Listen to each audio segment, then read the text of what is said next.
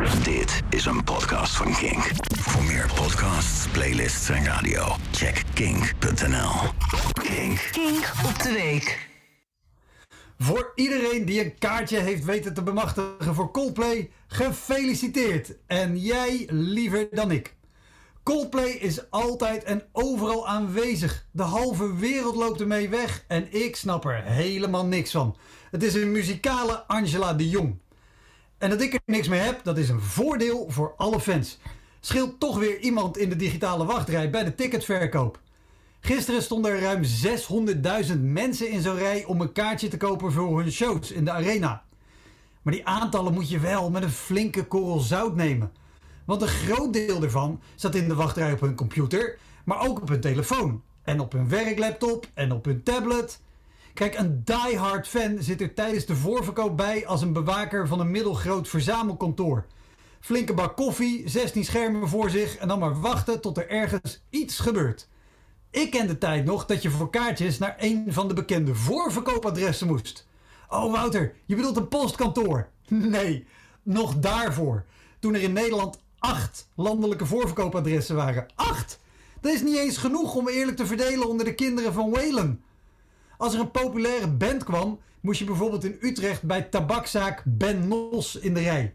Als je dan meerdere plekken had willen bezetten, had je grote kartonnen borden van jezelf moeten laten maken. En niemand was zo ijdel om dat te doen.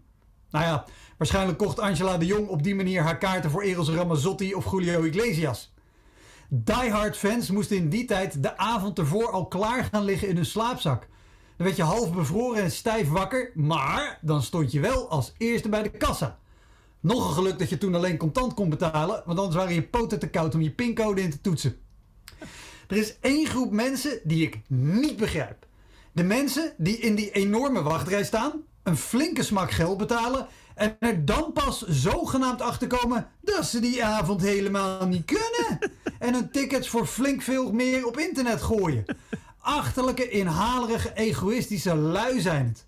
Niet de mensen die eerst dure tickets kopen en bij een later aangekondigd extra concert alsnog betaalbare plekken vinden. Nee, de hufters die moedwillig tickets opkopen om ze met dikke winst te verkopen. Het zijn de mensensmokkelaars van de concertwereld. Maar ja, het kan en het mag. Sterker nog, dit is nou marktwerking. Het principe dat ervoor zorgt dat Coldplay kaartjes nu al voor meer dan 600 euro worden aangeboden, is hetzelfde principe dat de publieke sector, de natuur en de maatschappij al jaren steeds verder kapot maakt. Een website die niks anders doet dan opkopen en verkopen is Viagogo. Dat is Latijn voor smerige geldwolven. Die verkopen nu tickets tussen de 3 en 450 euro. Als je dankzij opkopers geen kaartje hebt kunnen krijgen, moet je dus kiezen. Of in een lelijke galmbak op een plastic stoeltje naar het gejammer van Chris Martin luisteren. Of een maandje energierekening betalen. Prijs jezelf gelukkig als je Coldplay kaartjes hebt kunnen krijgen. Prijs jezelf gelukkig als je geen Coldplay kaartjes hebt kunnen krijgen. Prijs jezelf gelukkig als je deze week niet een zee hebt overgestoken in een overvolle rubberboot.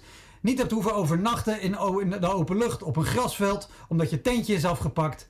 Niet alles achter hebt gelaten wat je hebt. En prijs jezelf gelukkig als je niet in een overvolle gymzaal duizenden kilometers van huis je baby bent verloren. Dit was een podcast van Kink. Voor meer podcasts, playlists en radio, check kink.nl.